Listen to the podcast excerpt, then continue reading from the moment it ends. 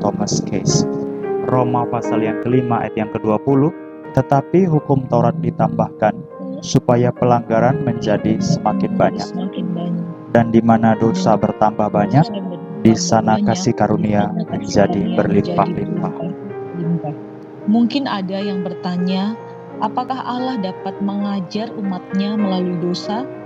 Mungkin saja, dan ia melakukannya.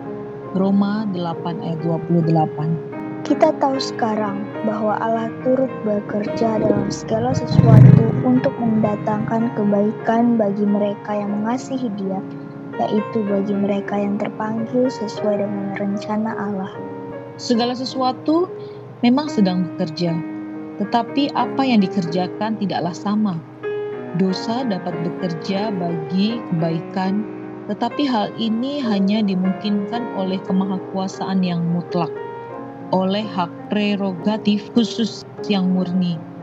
Karena dosa sesungguhnya adalah pekerjaan iblis, dan secara alami menjurus kepada penghancuran. Janganlah berterima kasih pada dosa untuk kebaikan apa pun yang diakibatkannya. Allah memukul iblis dengan senjatanya sendiri. Sebaliknya, penderitaan adalah malapetaka yang dikirim Allah. Amos 3 ayat 6 Adakah sangka kala ditiup di suatu kota dan orang-orang tidak gemetar? Adakah terjadi malapetaka di suatu kota dan Tuhan tidak melakukannya? Dan melaluinya Allah mendidik anak-anaknya. Ia mengatur natur penderitaan demi memperlihatkan rancangannya yang penuh kasih sayang terhadap anak-anak kafanannya. Tidak ada nilai intrinsik pada penderitaan itu sendiri, selain hanya dipakai oleh Allah yang Maha Kuasa demi tujuan penyelamatan. Ibarat gergaji sebagai alat untuk memotong, gergaji tidak mampu melakukan apa pun sendiri. Sebaliknya, ia menjadi alat yang berguna di tangan tukang. Di dalam firman Allah terdapat lebih banyak instruksi langsung bagi anak-anak Allah dibandingkan dengan tongkat didikan. Dan melalui hukuman, hati menjadi lebih taat terhadap didikan ilahi. Anugerah atau kasih karunia menerapkan kebenarannya dengan ketat melalui rangkaian yang tepat dari sejumlah keadaan. Koreksi Allah menurunkan kencongkaan hati manusia. Kencongkakan meningkatkan keberatan atau penolakan terhadap firman dan membantah perintah-perintah yang seharusnya ditaati. Allah datang dengan penderitaan sebagai alatnya dan merobohkan gunung-gunung kencongkaan. Hati yang congkak berseru dengan lantang di dalam diri orang fasik, bahkan juga di hati orang saleh meskipun dengan berbisik sampai koreksi mengusirnya keluar. Penderitaan adalah alat tempa Allah untuk melembutkan hati yang sekeras besi. Mustahil menempa besi selagi dingin. Sebaliknya, panaskanlah besi hingga berpijar, maka dengan leluasa Anda dapat menempanya menjadi bentuk apa pun. Hati manusia keras dan perlawanan alaminya menjadi sangat meningkat karena kemakmuran. Allah melembutkan hati dengan curahan hujan penderitaan dan menjadikan kita lebih menaruh perhatian kepadanya dan kurang terpengaruh oleh hingar-bingar dunia. Thomas Case 1598-1682 Saat sore hari ini, beberapa hal dalam tulisan ini ada dua bagian yang digambarkan. Yang pertama itu seperti gergaji dalam paragraf kedua ya. Ibarat gergaji seperti alat untuk memotong. Gergaji tidak mampu melakukan apa pun sendiri. Sebaliknya, ia menjadi alat yang berguna jika di tangan tukang. Yang kedua, gambaran yang dipakai dalam renungan ini itu seperti besi. Allah itu seperti tukang besi, pandai besi yang sedang menempa, yang sedang membentuk sehingga besi itu harus dipanaskan. Nah, jadi pertanyaan yang kita renungkan pada sore hari ini, Alkitab mengatakan kondisi manusia itu apa yang dipakai oleh Allah untuk menempa manusia tadi. Yang pertama adalah Allah memakai dengan penderitaan. Nah, yang kedua, Allah memakai dengan firman-Nya. Allah memakai dengan penderitaan. Yang kedua, Allah memakai dengan firman-Nya. Maksud Allah memakai dengan penderitaan. Banyak orang menderita memang karena dia orang kudus, tapi lebih banyak lagi orang menderita karena dia berdosa. Jadi dia menderita karena dia memang diizinkan Tuhan mengalami penderitaan. Seperti Ayub ya. Ayub itu terkenal sekali, dia orang kudus, orang saleh, tapi dia mengalami penderitaan. Orang bilang bahwa dia mengalami penderitaan karena dia orang kudus. Tapi banyak orang mengalami penderitaan karena dosa. Coba dibaca paragraf yang pertama. Mungkin ada yang bertanya apakah Allah dapat mengajar umatnya melalui dosa? Nah, mungkinkah Allah mengajar umatnya melalui dosa? Thomas Case menjawab, mungkin saja.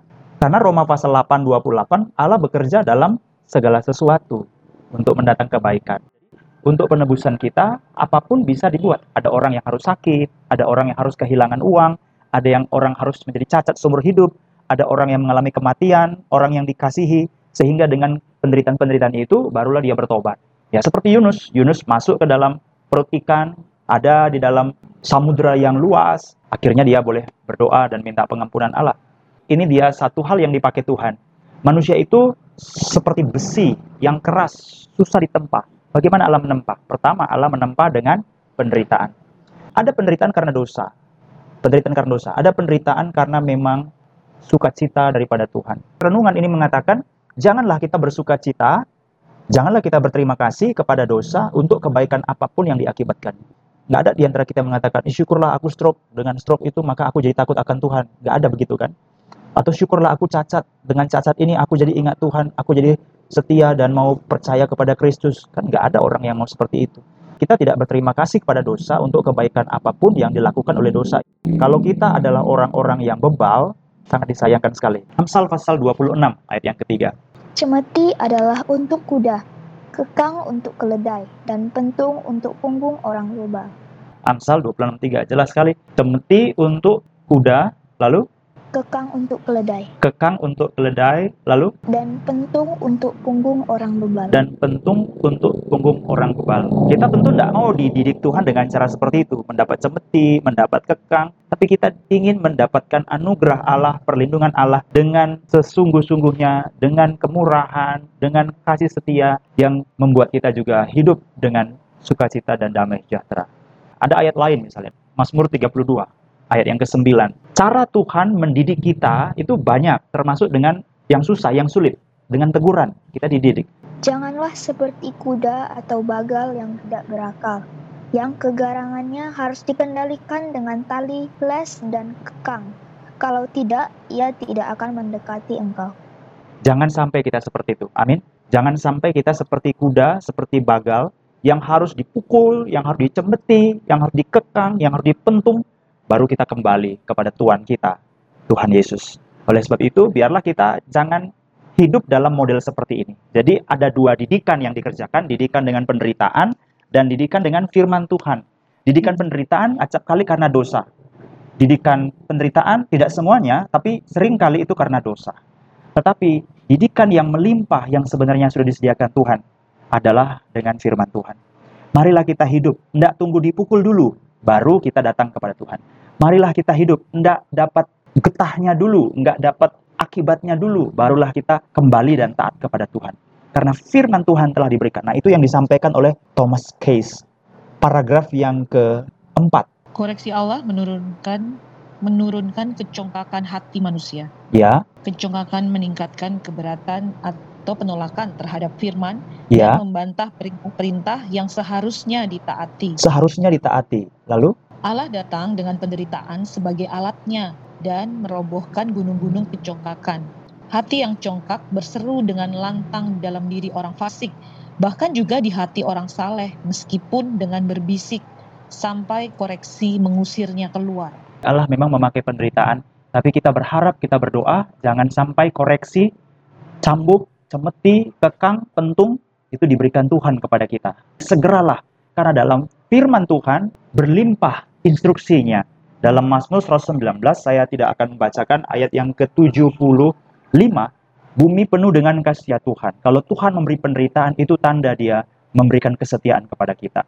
Paragraf yang keempat, firman Allah itu melimpah untuk beri koreksi kepada kita. Paragraf ketiga, di dalam firman Allah, Di dalam firman Allah terdapat lebih banyak instruksi langsung bagi anak-anak Allah dibandingkan dengan tongkat didikan dan melalui hukuman. Nah, diulang lagi ya. Di dalam firman Allah terdapat terdapat lebih, lebih banyak instruksi instruksi langsung bagi anak-anak Allah dibandingkan dengan tongkat didikan dan melalui hukuman. Nah, kita pilih mana? Melalui firman Allah atau melalui tongkat didikan?